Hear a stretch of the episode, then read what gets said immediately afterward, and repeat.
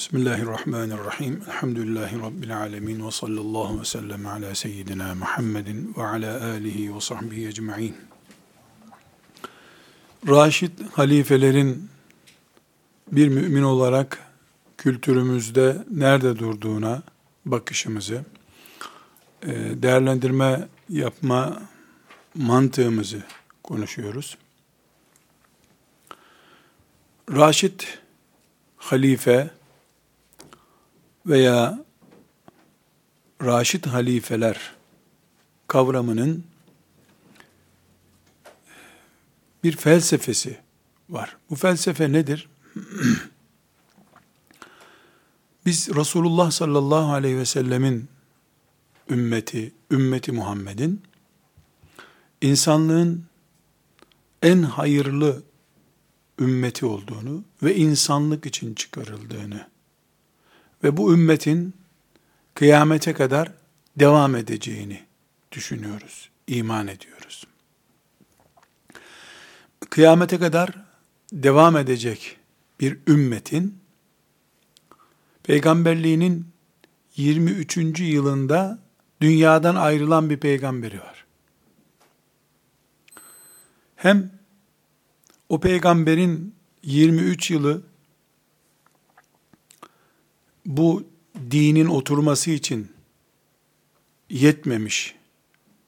Hem de daha sonraki yenilenmelere karşı, daha sonra ortaya çıkacak sorunlara karşı, oluşum döneminin tehlikelerine karşı ümmeti Muhammed'i idare edecek, oluşum sürecini tamamlayacak bir kadro ihtiyacı var. Bu kadro ihtiyacı Resulullah sallallahu aleyhi ve sellemin hadis-i şeriflerinde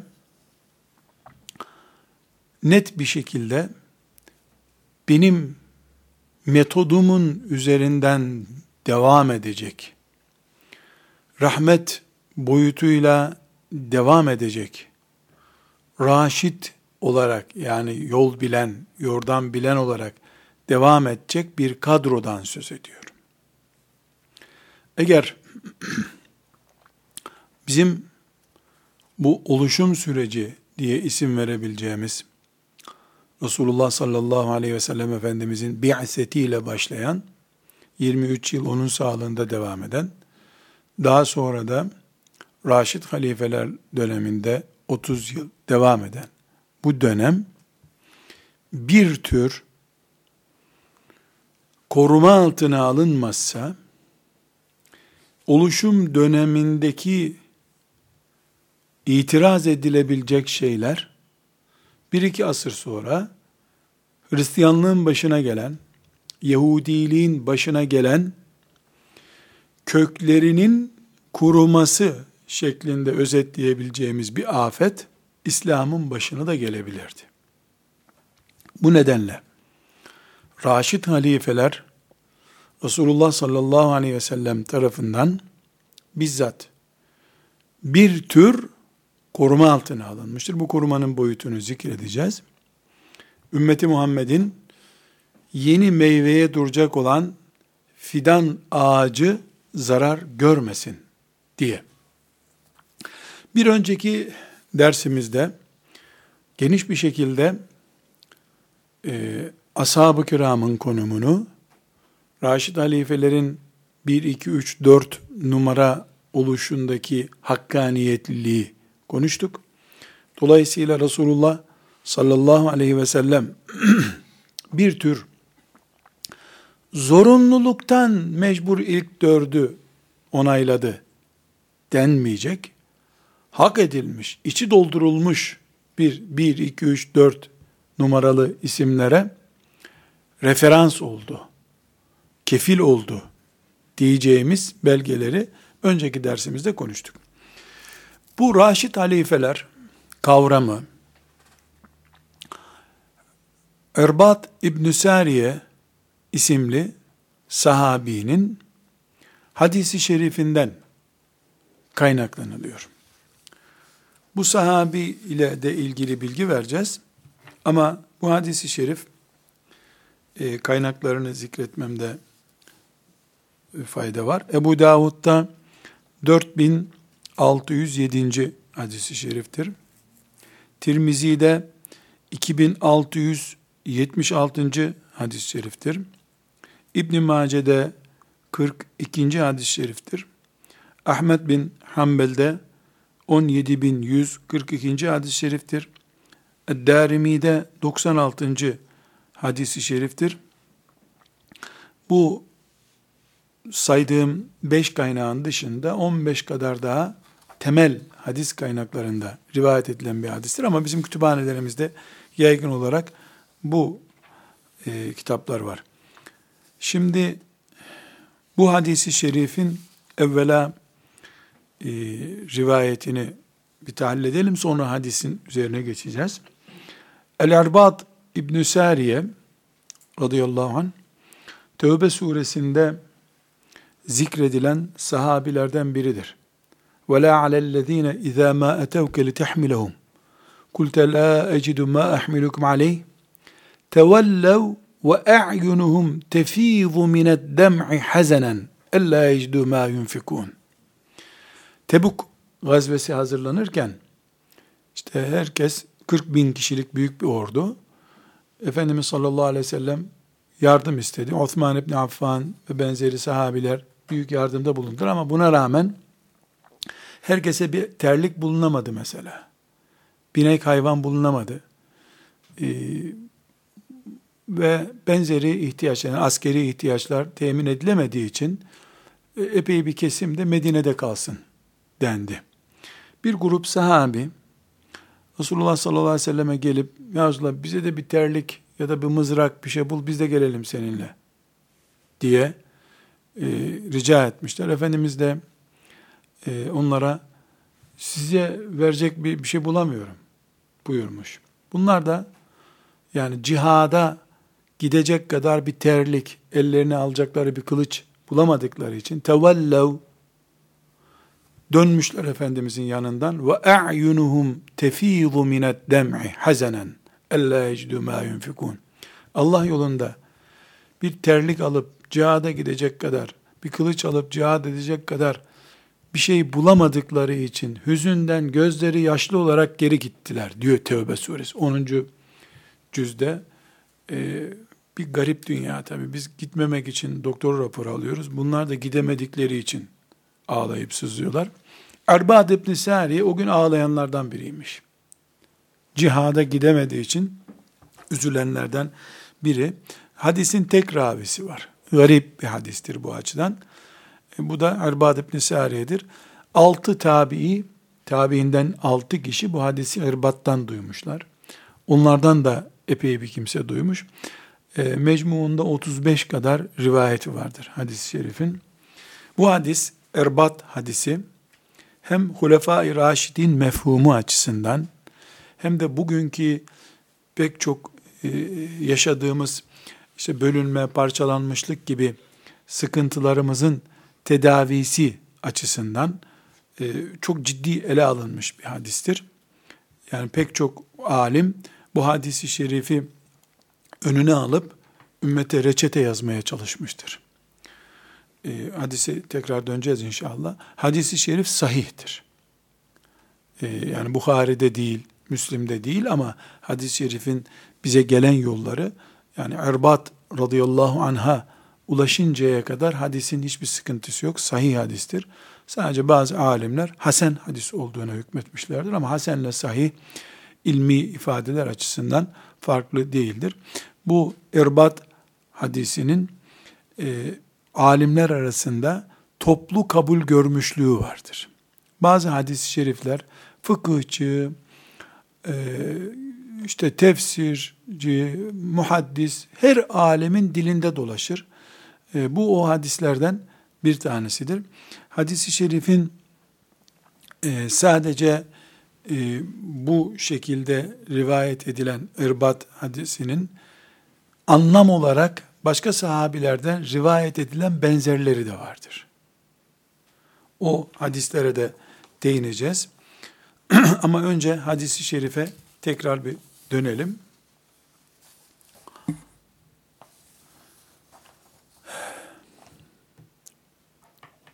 Abdurrahman İbni Amr Es-Sülemi ve Hucur İbni Hucur isimli tabiinden iki kişi e, diyorlar ki biz Erbad İbni Sariye ki Şam'da oturuyormuş o zaman Şam'a hicret edenlerden ya da Şam'a eğitim için gidenlerden çünkü ashab-ı suffadan bu yani hoca takımından ashab-ı kiramın Erbad İbni Sariye'yi ziyarete gittik e, ashab-ı kiramdan birini görmeye gitmişler. Tabinden iki kişi.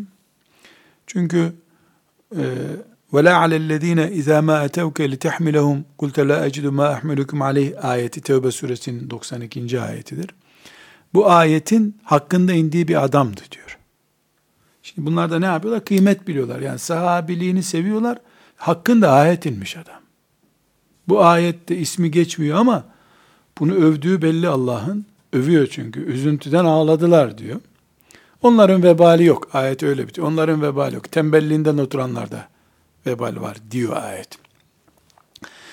Bu sahabi hani hakkında ayet inmiş bir işte duasını alalım, nasihatini alalım gibi gittik diyor. Ve sellemne ve selam verdik ve kulna dedik ki ona diyor eteynâke zâirîne ve âidîne ve muktebisin yani biz senden istifade etmeye geldik. Hem ziyaret edeceğiz hem bir şeyler kapalım senden diye geldik e, demiş. E, Arbat da radıyallahu anh bu hadisi şerifi söylemiş. Burada arkadaşlar dikkat ederseniz din konferanslarla değil. Bakın üzerine onlarca hüküm kurulmuş bir hadis bir müminin öbür mümini ziyaretinde bir konuşma konusu olarak, okul derslerindeki maddeler olarak, imtihanda çıkan sorulardan biri olarak değil. İki mümin muhabbet ediyorlar. O muhabbetleri bize din olarak intikal ediyor. Burada iyi bir ipucu da var ortada. Birbirimizi ziyaretimizi çocuklarımız hatırladığında, biz o ziyaretleri hatırladığımızda üzerimizde o ziyaretten şu hadis kalmıştı, şu ayet kalmıştı, şu hüküm kalmıştı diyebiliyor muyuz? Hucur İbni Hucur, dünyada eşeğin adamı duyulmamış, ölmüş gitmiş, unutulmuş biri, Allah ondan razı olsun, e, altı kişiden bir tanesi bu. Altı tabiinden altı kişi erbatı bulup ondan bu hadisi duymuşlar. Bu onlardan bir tanesi. Şimdi biz nasıl bu Hucr İbni Hucr'a Abdurrahman İbni e, Amr'a nasıl oturup da rahmet dilemeyiz Allah'tan? Ne büyük hayra vesile olmuş. Hem bir sahabi görelim diyorlar, hem nasihat dinliyorlar. Sonra gelip o nasihatı ümmeti Muhammed'e aktarıyorlar. Herhalde ziyaretlerin e, özü de bu olsa gerek. Yani böyle bir ziyaret mantığı oluşturabilsek.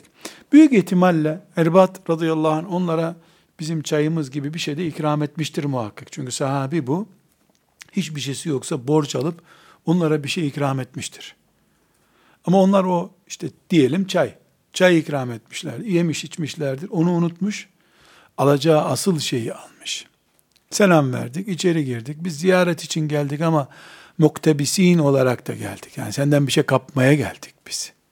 Bir şey öğret bize deyince o da ne anlatmış? Salla bina Resulullah sallallahu aleyhi ve sellem zâte yevmin. Bir gün Resulullah e, sallallahu aleyhi ve sellem bize namaz kıldırdı Diyor Erbat. ثُمَّ أَقْبَلَ عَلَيْنَا فَوَعَظَنَا مَوْعِظَةً بَلِيغَةً ذَرَفَتْ مِنْهَا الْعُيُونُ وَوَجِلَتْ مِنْهَا الْقُلُوبُ Sonra namazdan sonra geri döndü. Efendimiz sana mihrabından döndü. Ekbele aleyna bize yöneldi demek. İmam çünkü kıbleye doğru duruyor. Bize yöneldi. Bize büyük bir vaaz yaptı. O vaazdan gözlerimiz yaşardı, kalplerimiz ürperdi. Yani heyecanlandık. Birisi dedi ki, Ya Resulallah, keenne hâzihi mev'izatu muveddi'in. Yahu bu konuşmanız veda konuşmasına benziyor. Sanki bir veda ediyorsunuz gibi geldi bize. فَمَاذَا تَعْهَدُ اِلَيْنَا Ne nasihat edersin bize ya Resulallah? Yani sahabi Efendimiz böyle ağlamaklı konuşunca, kalpleri ürperten bir konuşma yapınca herhalde bu veda konuşması zannedip e, bize ne nasihat edersin ya Resulallah diye nasihat rica etmiş. Burada arkadaşlar bu da anlaşılıyor ki bu olay Efendimizin son zamanlarına ait. Son işaretleri. Çünkü 5. E, yılında bir sahabi hicretin 5. yılında vedadan söz etse sonra anlardım ki o veda değildi der. Belli ki bu sözü geri almamış bu sahabe. Mesela Erbat demiyor ki öyle dedi ama ondan sonra 5 yıl yaşadı Efendimiz demiyor. Demek ki o da anladı ki bu son günlerine ait Efendimizin sallallahu aleyhi ve sellem. Son gün deyince tabi veda haccından sonra da Efendimiz aylarca yaşadı. Veda haccı yani hemen veda hutbesi okundu. Öbür haftada vefat etmedi Efendimiz. Ama bir yıl içindeki olayların tamamını hicretin 9. yılı dolduktan sonraki olayların tamamını ashab-ı kiram son, son diye hep anlatır. Onlara göre dünyanın sonu oydu. Efendimizin vefatı. O yılı hep son yıl olarak zikrederler. Buyurmuş ki Efendimiz sallallahu aleyhi ve sellem Usikum bi takvallahi ve sem'i ve ta'ati ve in abden habeşiyen fe innehu men ya'iş minkum ba'di feseyara ihtilafen kethiran fe aleykum bi sünneti ve sünnetil hulefâil mehdiyyin raşidin temessekû biha ve addu aleyha bin nevacizi ve iyyakum ve muhdesâtil umur fe inne kulle muhdesetin bid'atun ve kulle bid'atin zalâletun. Evet, çok net bir olay. Ağlatıyor Efendimiz ashab-ı kiramı. Onlar da ya Resulallah anlaşıldı ki bu vedadır. O zaman bize vasiyetini yap diyorlar. Efendimiz de yok daha aranızdayım buyurmuyor. Vasiyetini yap. Henüz aralarında iken aleyhissalatü vesselam Efendimiz gözleriyle onu görürken ve, ve vasiyet yapıyor. Bu vasiyet üzerinden vefatının üzerinden 1425 sene geçtikten sonra bizim için 1425 defa katmerlenmiş bir vasiyettir. Yaşarken size bunu vasiyet ediyorum dedi. Öldü sallallahu aleyhi ve sellem. Ölümü dünyayı kararttı. Burada sözü edilen şeyler hep gerçekleşti. Allah irbattan razı olsun bize bu hadisi ulaştırdı. Şimdi biz bu hadisi nasıl dinlemeliyiz? Önce bunu tespit edeceğiz. Bu hadisi nasıl dinlemeliyiz? Evet, Raşid halifelerin dindeki yerini anlayacağız ama bu bir cümlenin içinde iki kelime. O iki kelimeden önce bu hadisin konumunu anlama. Yani Resulullah sallallahu aleyhi ve sellem bugün dünyanın birçok yerinde bunalımlar içinde, diğer yerlerinde de gaflet içinde yaşayan bir ümmetiyiz biz. Bu ümmete aleyhissalatü vesselam Efendimiz bir başıboşluk bırakmamıştır. Tam aksine vasiyetini yapmış gitmiştir.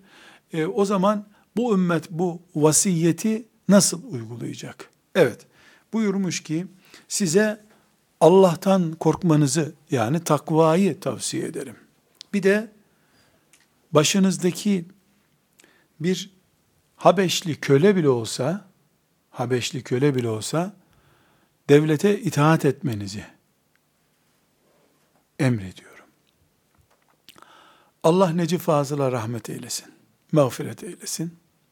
Ne kadar yanında değildim, ne kadar doğru bilmiyorum ama çok kimselerden, kendine dinlemedim, çok kimselerden, onun yakınındakilerden dinlediğim bir olay e, mahkemelerinden, mutat mahkemeleri var tabi. Neredeyse ayda bir mahkemeye çıkıyor.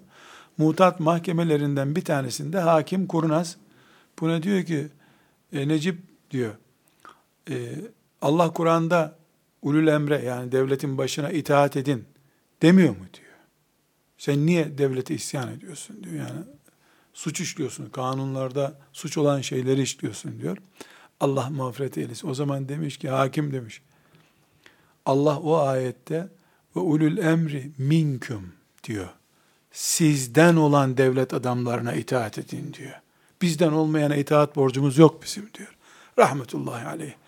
Yani Demediyse de der muhakkak bu sözü. Yani orada değildik bilmiyorum ama tam Necip Fazıl'lık bir söz. Bunu başkası kolay kolay diyemez zaten. Der de burada der. Mahkemede demek zor bunu. Allah mağfiret eylesin. Bu tip çıkışları çok e, hoş şeyler. Bu çıkışlarıyla nesil yetiştirdi. Rahmetullahi aleyhi ve gafara lehu mağfireten vasiaten.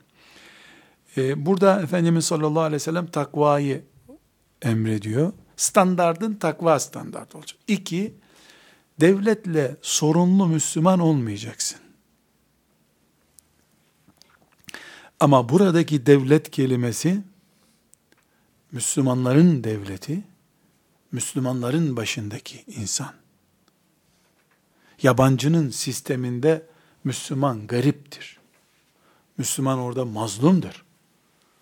Zulme rıza olur mu? Zulme rıza olmaz. Müslümanların devletine, şeriatının hakim olduğu, halifesinin Allah adına hükmettiği yerlerde konuşuyoruz bunu. Böyle buyurmuş.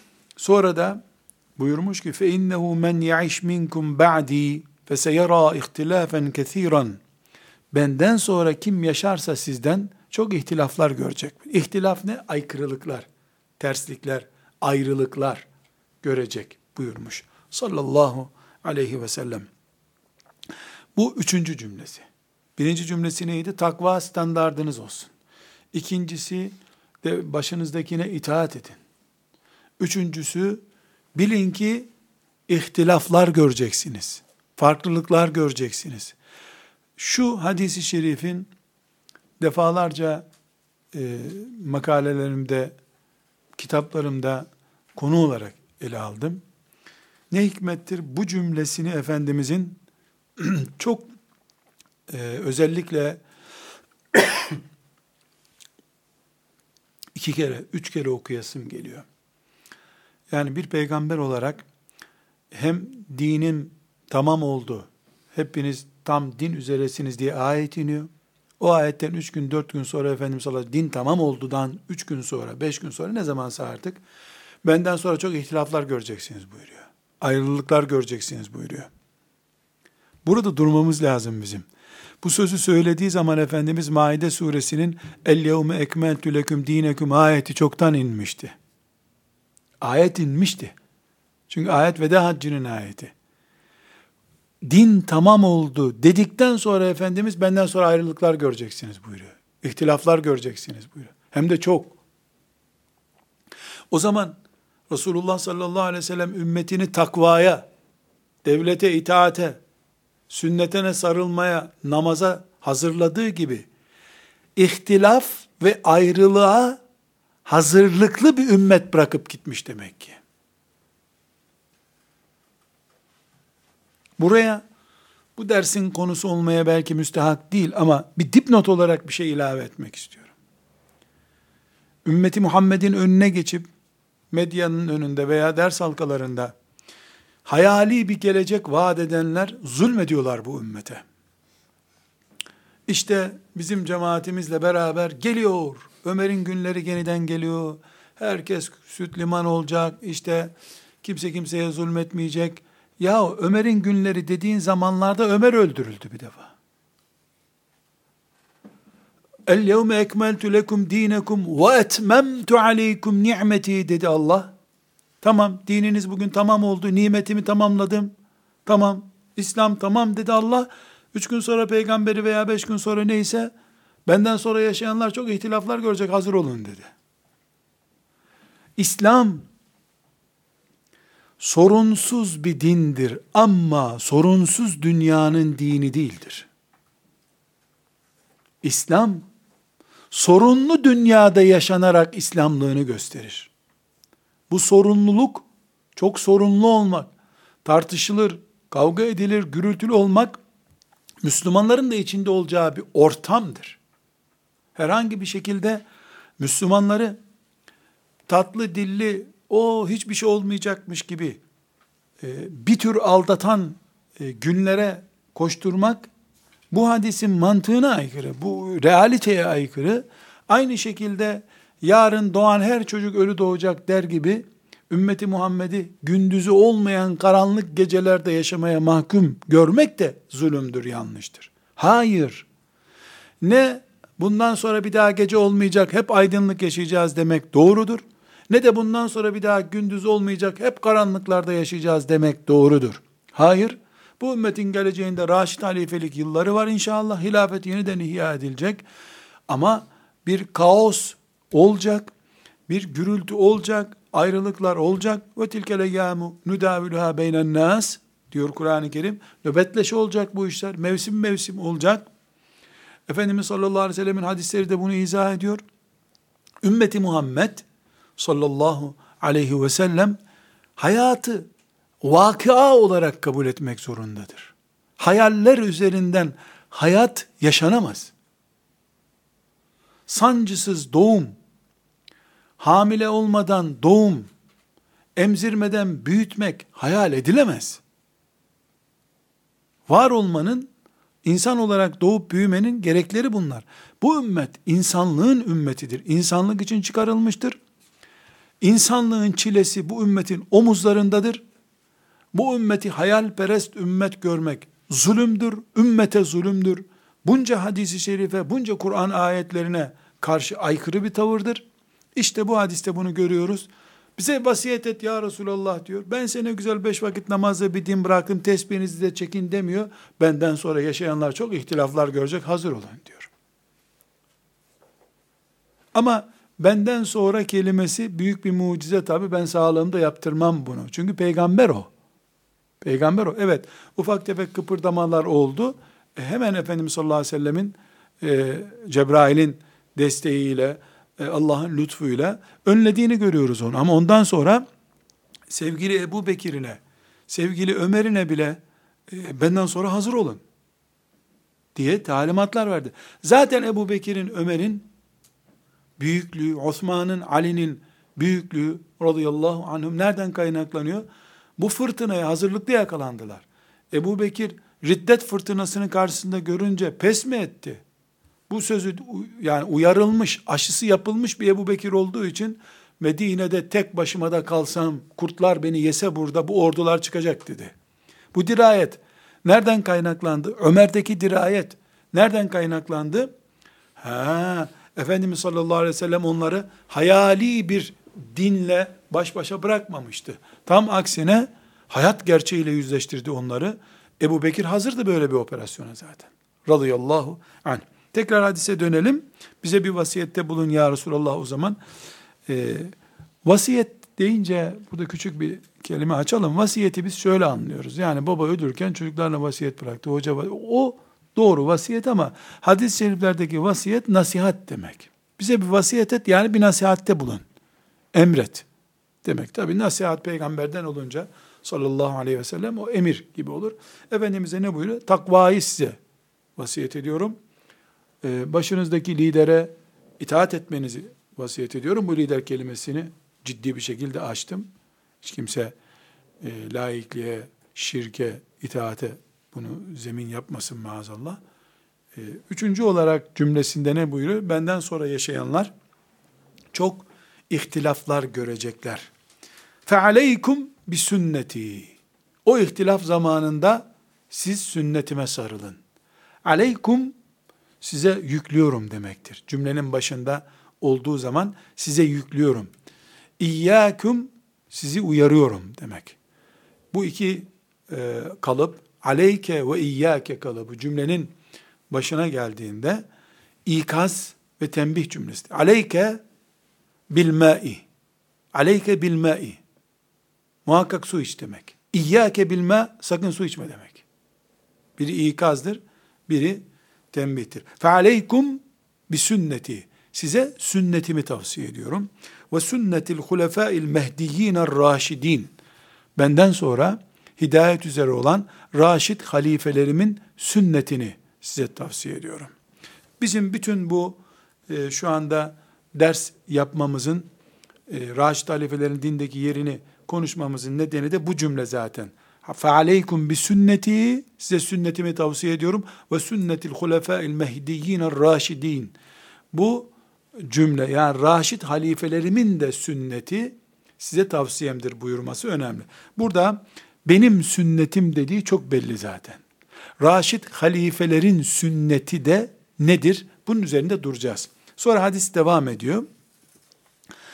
Peki bu tavsiyeyi e, sünneti sünnetime ve Raşid halifelerin sünnetine sarılın tavsiyesini nasıl uygulayacağımızı da izah ediyor. Buyuruyor. Temessekû biha. Ona sarılın. Temessekû biha. Ona sarılın bu şekilde. Ve addu aleyha bin nevacizi. Onu azı dişlerinizle tutun. Burada kinayeli bir ifade var arkadaşlar. İnsan çekirdek yerken çıt çıt ön dişleriyle yer. Ama şöyle et çiğnerken ön dişleriyle çiğnemez. Arka dişlerle böyle ezerek alır. Bu Arapçada bir ifade tarzıdır. Azı dişiyle tuttu. Yani yakaladı koparmıyor. Tüküreceği şeyi insan ön dişleriyle yer. Mesela kabuğunu elmanın ön dişleriyle soyup tükürürsün altını yersin bıçakla soyamadıysan. Arka dişlerle kabuğu soyum, arka dişlerle elmanın kendisi yenir. Tut, temesseku biha tutun. Sünnetime tutunun. Raşid halifelerin sünnetine tutunun. Addu aleyha bin nevaciz öyle çekirdek yer gibi de değil. Hazmetmek üzere tutun demek. Sallallahu aleyhi ve sellem. Bu e, cümlesinden sonra da ve iyyakum sakın ha o muhdesatil umur sonradan çıkan şeylere dadanmayasınız. Fe inne kulle muhdesetin bid'atun sonradan çıkan her şey bid'attır ve kulle bid'atin dalaletun her bid'atta dalalettir. Dalalet sapıklık demektir. Burada e, ne anlamış, ne anladık biz? Resulullah sallallahu aleyhi ve sellem Efendimiz kendisinden sonra bir sorunlar yumağıyla ümmetinin karşılaşacağını haber veriyor zaten. Bu bir mucizedir. Bu önemli bir bilgidir. Ama aleyhissalatu vesselam Efendimiz kurtuluş yolunu da gösteriyor. Yol, yordam olarak sünnetime sarılın diyor. Şimdi burada arkadaşlar çok önemli bir sorunun cevabını e, bulmamız lazım.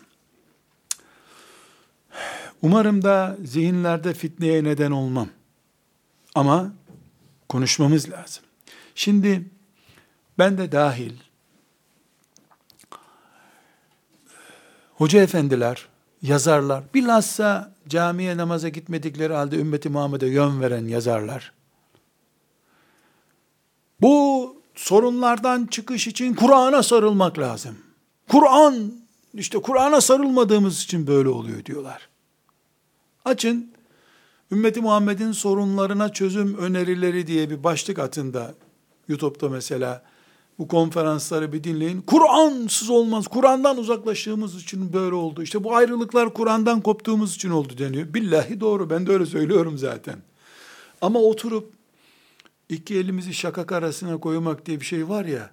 Yani bir tefek Efendimiz kendisine Kur'an indiği halde size Kur'an'ı tavsiye ederim demiyor. Ayrılıklardan, sorunlardan, fitnelerden söz ediyor. Sünnetime sarılın. Raşid halifelerimin sünnetine sarılın diyor. Bunun üstünü mü çizeriz, kenarını mı çizeriz, yandan oklar mı gösteririz? Bu çok önemli. Haşa, maazallah, maazallah. Sallallahu aleyhi ve sellem Efendimiz Kur'an'ı önemsiz mi görüyordu? Çok önemli bir ipucu arkadaşlar. Çünkü filan yerdeki Müslümanların berbatlığının çözümü Kur'an'dır. Çok doğru bir söz. Ama Efendimiz sallallahu aleyhi ve sellem size Kur'an tavsiye ediyorum demiyor. فَعَلَيْكُمْ بِسُنَّتِي وَسُنَّةِ الْخُلَفَاءِ الرَّاشِد۪ينَ الْمَهْدِيِّينَ diyor. Umarım sorum anlaşılmıştır. Hayali bir şey konuşmak da istemiyorum. Şimdi bu soru cevaplandırılınca ne çıkıyor ortaya? Kendisine zaten Kur'an geldi. Kur'an'ın mübeyyinün linnâsidir Resulullah sallallahu aleyhi ve sellem. Zaten Kur'an'ı açıklamak için gönderilmiş. Peki Resulullah sallallahu aleyhi ve sellem Efendimiz niye Kur'an'a sarılın demiyor? Bunlar Kur'an okuyan adamlar zaten. Bir. iki Sünnet misvak kullanmak demek değildir. Sakal bırakmak demek değildir. Çocukların cinsel organını ameliyat etmek demek değildir. Sünnet Resulullah'ın Kur'an'ı uyguladığı yöntem demektir. Hulefai Raşidin de Resulullah sallallahu aleyhi ve sellemin sünnetini yani Kur'an'ı yorumlama, uygulama tarzını sürdürenler demektir. Yoksa Ömer esnedi biz de esneyeceğiz diye bir şey yok. Yoksa Ebu Bekir gece üçte kalktı bizde sünnettir üçte kalktı. Ebu Bekir'e kör taklidimiz yok bizim. Bu dört adamın, adam, Raşid, Mehdi, bu dört adamın Kur'anlaşmış tarzını sahiplenmektir. Şimdi tekrar soruma geçiyorum. Büyük sorunlar göreceksiniz. Size o zaman Kur'an'ı tavsiye ederim demiyor Efendimiz. Fe aleykum bi sünneti diyor. Sünnetime sarılın diyor. E Kur'an dışlanmış mı oluyor? Hayır. Hayır. Kur'an dışlanmış olmuyor. Bilakis Kur'an özümsenmiş oluyor. Bunun örneği ne biliyor musunuz? Bir astım hastası düşünün. Yani nefes alma zorluğu çeken bir insan düşünün. Bu insanla doktor karşılaşıyor. Size sağlıklı yaşamayı tavsiye edeceğim diyor. Peki doktor bey teşekkür ederim deyip çıkıyor hasta. Ne elde etmiş olabilir şimdi hasta? Sağlıklı yaşamayı tavsiye etti doktor. Doktor sağlıklı yaşamayı tavsiye et. Ne diyecekti? Öl mü diyecekti zaten. Zaten adam sağlık istiyor. Ama doktor öyle demiyor. Heybeli Ada hastanesine gideceksiniz diyor. Oksijeni bol bir yer oranın. Sizin oksijen ihtiyacınız var diyor. Tansiyon hastasına sağlıklı yaşa demiyor. Şu şu şu yiyeceklere dikkat et diyor. Doktor pratiği göstermek zorundadır. Ufukları gösteremez doktor. Ufukları gösteriyorsan e zaten adam sağlık hayaliyle yaşıyor ama ne yapacağını bilmiyor. Kur'an hayrın, bereketin, cennetin aslıdır. Ama Rabbimiz Kur'an'ı peygamberinin üzerinde aleyhisselam bereketli bir örnek haline getirdi. Yürüyen Kur'an oldu o. Resulullah'ı sallallahu aleyhi ve sellem tarz olarak almak ki sünnet bu demektir zaten. Beni tarz alın siz. Fitnelere karşı ne yaptım? Kadına karşı ne yaptım? Erkeğe karşı ne yaptım? Çocuğa karşı ne yaptım? Bakın buna. Ve beni biraz daha anlaşılır hale getiren Raşid halifelerime bakın. Ne yaptılar? Ve kurtulun. Buyurduğu zaman filan yere git orada oksijen bolluğu var sen astımdan kurtulursun diyen doktorluk yapmış olur.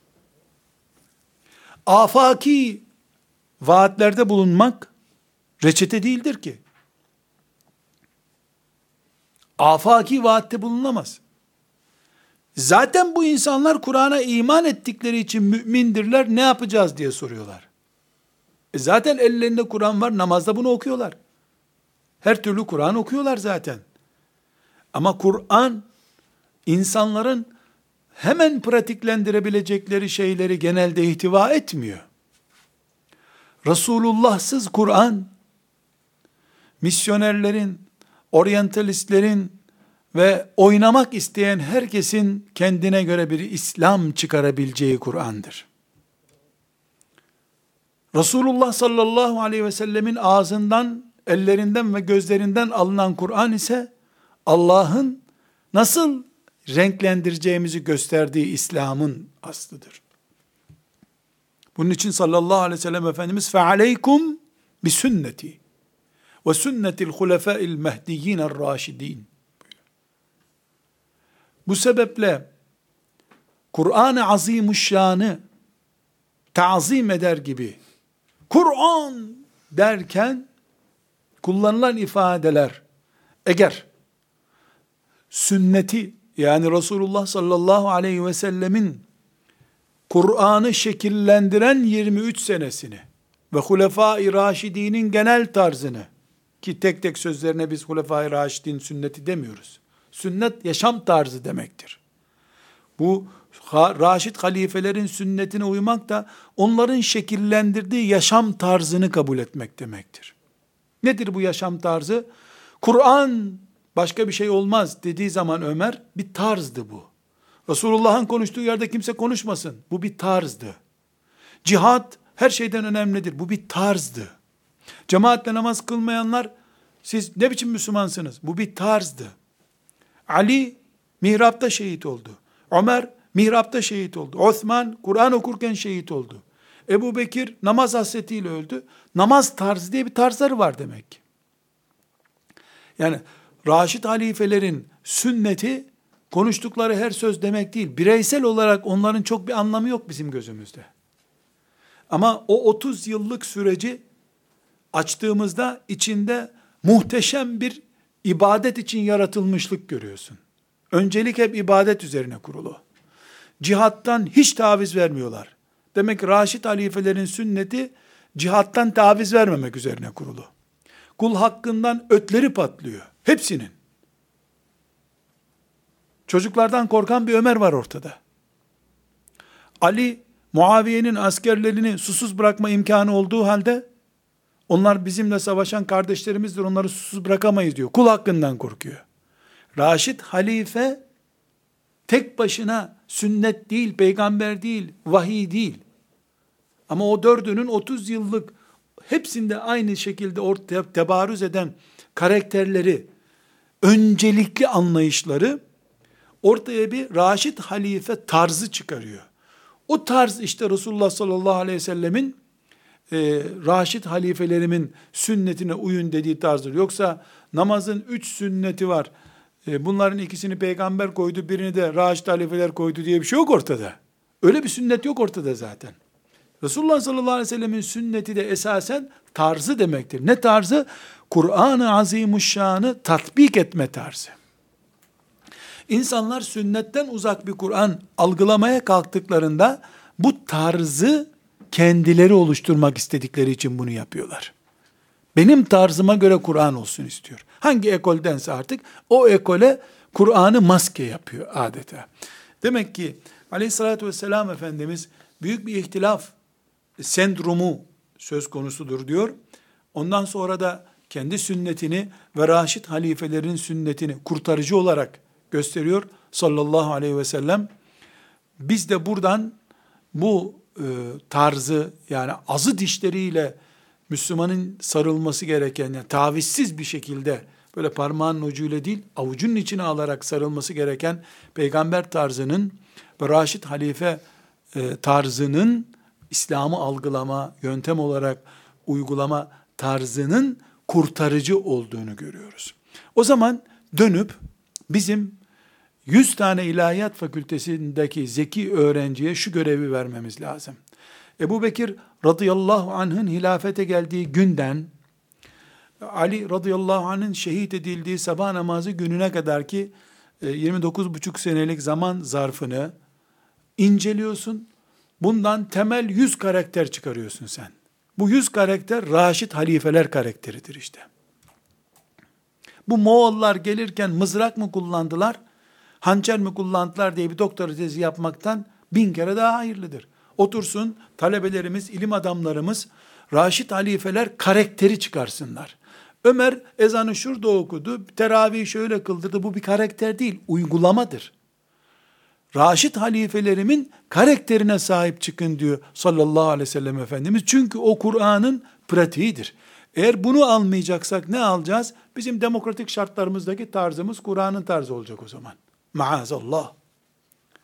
Bu sebeple Raşid halifeler üzerindeki incelemeler çok önemli. Raşid halifeleri anlayacak olsaydık biz, mesela dört Raşid halife de ümmetin rızasıyla ümmetin başında durmuştur. Dolayısıyla ümmetin razı olmadığı bir görevde durmamak Raşid halife tarzıdır. O da Resulullah sallallahu aleyhi ve sellemin fitne zamanındaki tavsiyesidir. Peygamber aleyhisselamın cesedi orada bırakılmış, mübarek cesedi. Ümmetin başı halife seçilmiş. Dört Raşid halife de bu görevde görevlendirilmiş. Ali cenazenin başında bırakılmış. Üçü görev halifeyi seçmişler. Bu dördünün siyaseti Resulullah'ın cenazesinden önemli görme tarzı varmış demek ki.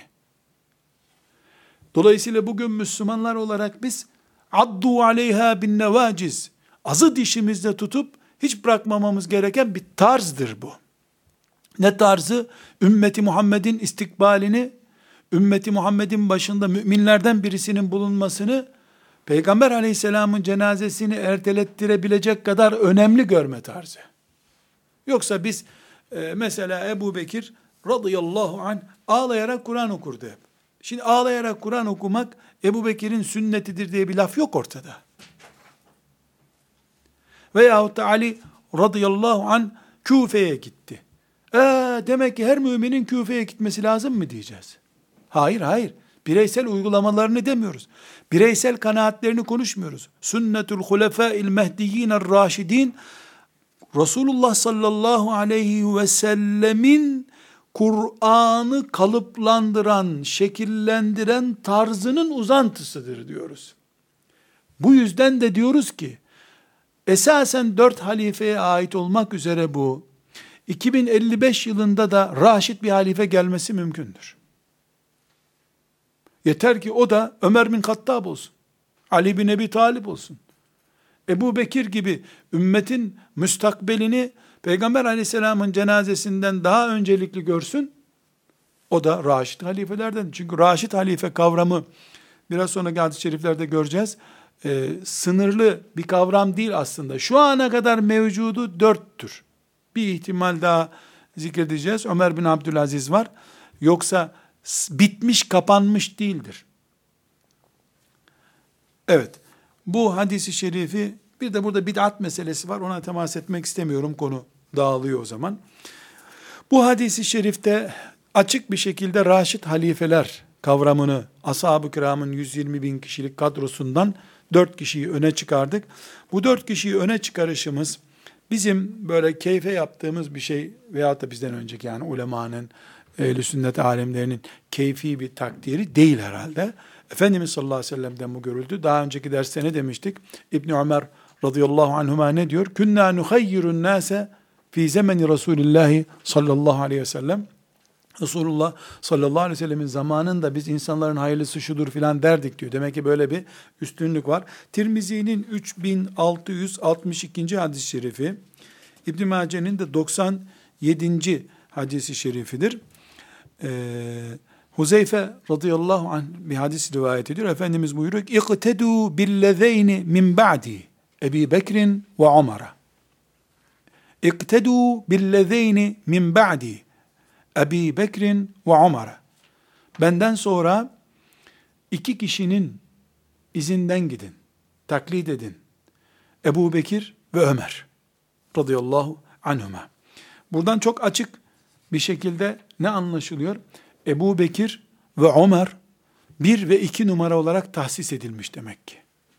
Bu tahsisi de Resulullah sallallahu aleyhi ve sellem yapmış Huzeyfe'nin rivayetinde. Ebu Katade radıyallahu anh başka bir hadis rivayet ediyor. Efendimiz sallallahu aleyhi ve sellem böyle bu, bu benzer konuların konuşulduğu bir ortamda İbn Hibban'ın 6091. E, hadisi şerifi bu. 6091. hadis-i şerif. Estağfurullah 6901. hadis-i şerif. 6901. hadis-i şerif. Ebu Katade'den in yuti'in nasu Ebu Bekir'in ve Ömer'e fakat erşedû. İnsanlar Ebu Bekir ve Ömer'e itaat ederlerse rüştlerini bulurlar. Açık ve seçik bir şekilde e, Efendimiz sallallahu aleyhi ve sellem Ebu Bekir ve Ömer'in o muhteşem makamın sahibi olduğunu gösteriyor. Burada İbn Hibban'ın yine 6943. hadisi şerifi var. El hilafetu ba'di 30 seneten thumme tekunu mulken. Hilafet benden sonra 30 senedir. Gerisi saltanat olacak. Krallık olacak buyuruyor sallallahu aleyhi ve sellem. Ama bu çok önemli bir nokta. Abdestle namaz iki saat kıldın, gerisi teyemmümdür dediği zaman birisi namazın olmadı demiyor.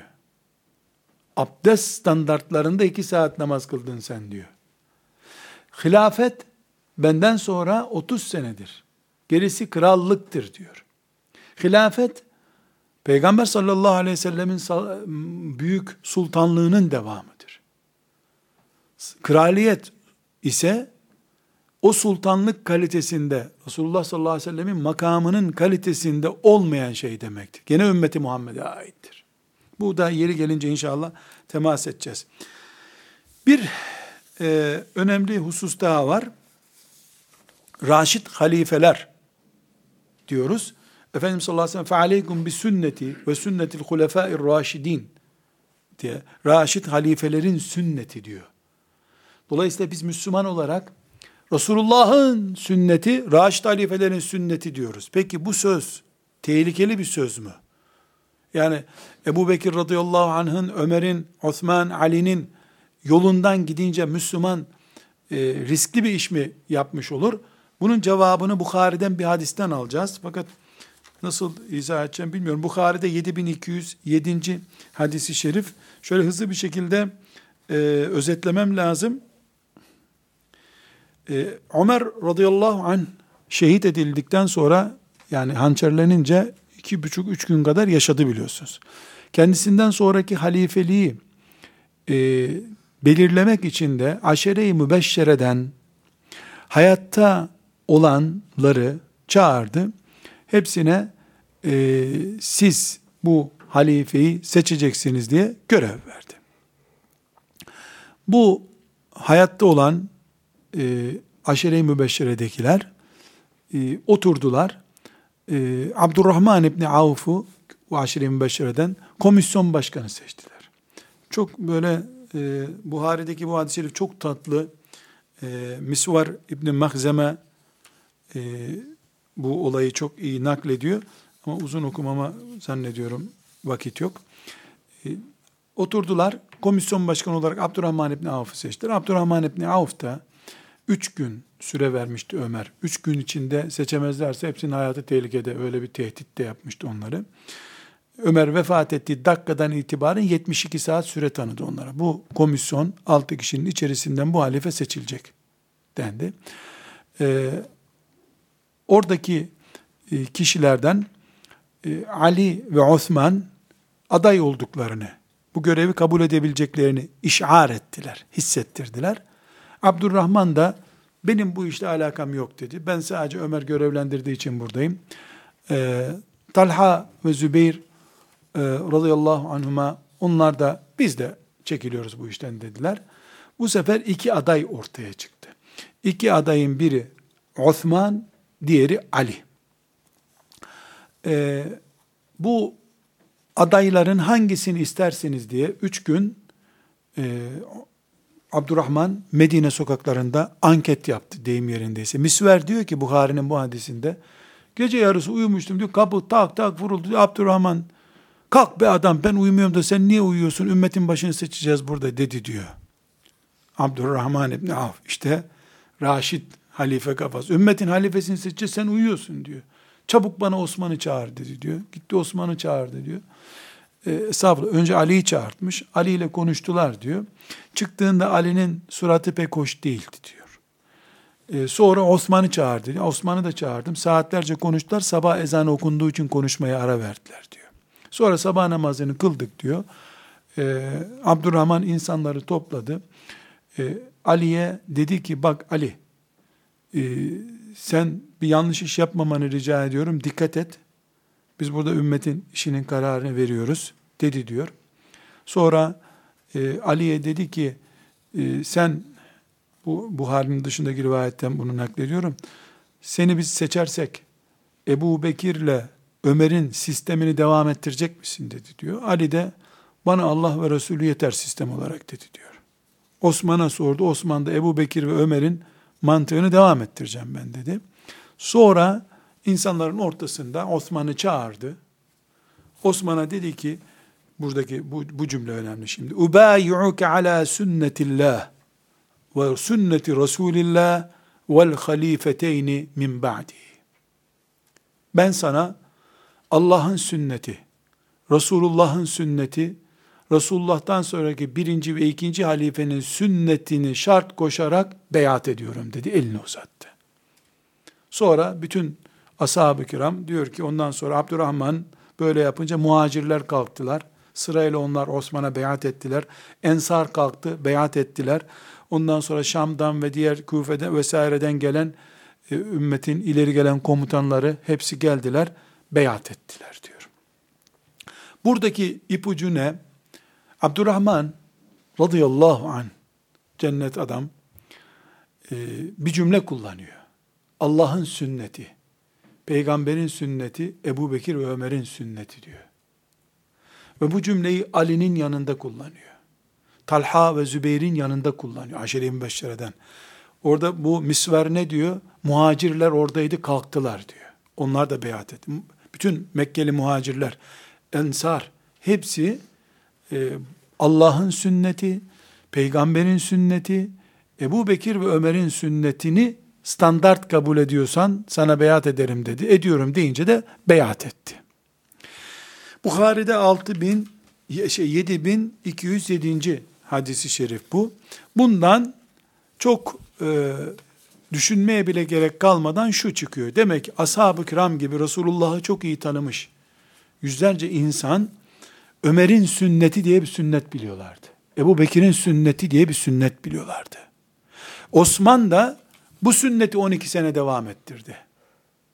Bundan da anlaşılıyor ki ve sünnetil hulefâir râşidîn el mehdiyyin dediği zaman Efendimiz sallallahu aleyhi ve sellem bilinmeyen bir şey söylememiş demek ki. Ashab-ı kiramın böyle bir kültürü vardı. Kimdir bu raşit halifeler? Dediğimizde aklımıza dört tane isim geliyor. Ehli sünnetin yüzde 98'i de böyle düşünüyor zaten. Fakat e, bazı alimler benden sonra hilafet 30 senedir diye hadisinden dolayı bunu 5 kişi düşünüyorlar. Çünkü 2 sene 2 ay Ebu Bekir, 10 sene işte 2 aya yakın bir zaman Ömer, 12 sene 4 ay. 12 sene e, Osman İbni Affan radıyallahu anh e, 24 24 buçuk sene 5 e, sene de e, Ali radıyallahu anh 29 buçuk sene yapıyor. Resulullah 30 sene boşuna demezdi diyorlar. Bir şey vardır. Bir bakıyorsun ki beş buçuk ayda Hasan bin Ali radıyallahu anh yani Hazreti Efendimizin torunu beş buçuk ay o da hilafet görevinde kalıyor. Bu onunla 30'u doldurur diyorlar. Raşid halifeler budur. Bazı alimler e, Muhammed İbni Sirin gibiler de Ömer bin Abdülaziz'i de 5. Raşid halife kabul ederler. Ama e, pek çok alimin e, görüşü e, çok önemlidir. Raşid halife şimdilik bu beş kişi altı kişidir. Bu ümmet hakkıyla cihad ederse Allah yarın bir Raşid halife daha verir. Hiçbir sıkıntı yok. وَمَا ذَٰلِكَ عَلَى اللّٰهِ بِعَز۪يزٍ Zor mu Allah için? Önemli olan standarttır. Nedir bu standart? Resulullah kafası taşımak. Sallallahu aleyhi ve sellem. Cihat öncelikli, amme öncelikli, ibadet için yaşayan, kul hakkına riayet eden, cenneti cehennemi gözünün önünde hisseden, herkes raşit halife olması mümkündür. Ama elimizdeki mevcutlar kat'i olarak dört kişidir. Ebu Bekir, Ömer, Osman, Ali. İhtimal Hasan bin Ali ve Ömer bin Abdülaziz. Şu ana kadar altı isim anmıştır ümmeti Muhammed. Yedinciyi anan yok ama. Yedinciyi anan yoktur. E, her halükarda inşallah 70 tane görürüz. Allah'ın izniyle.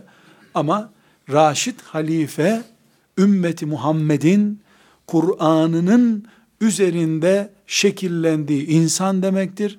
Onun tarzı da Resulullah sallallahu aleyhi ve sellemin sahiplenmemizi, azı dişimizle sahiplenmemizi emir buyurduğu tarzdır. Ve sallallahu aleyhi ve sellem ala seyyidina Muhammed ve ala alihi ve sahbihi ecma'in velhamdülillahi rabbil alemin.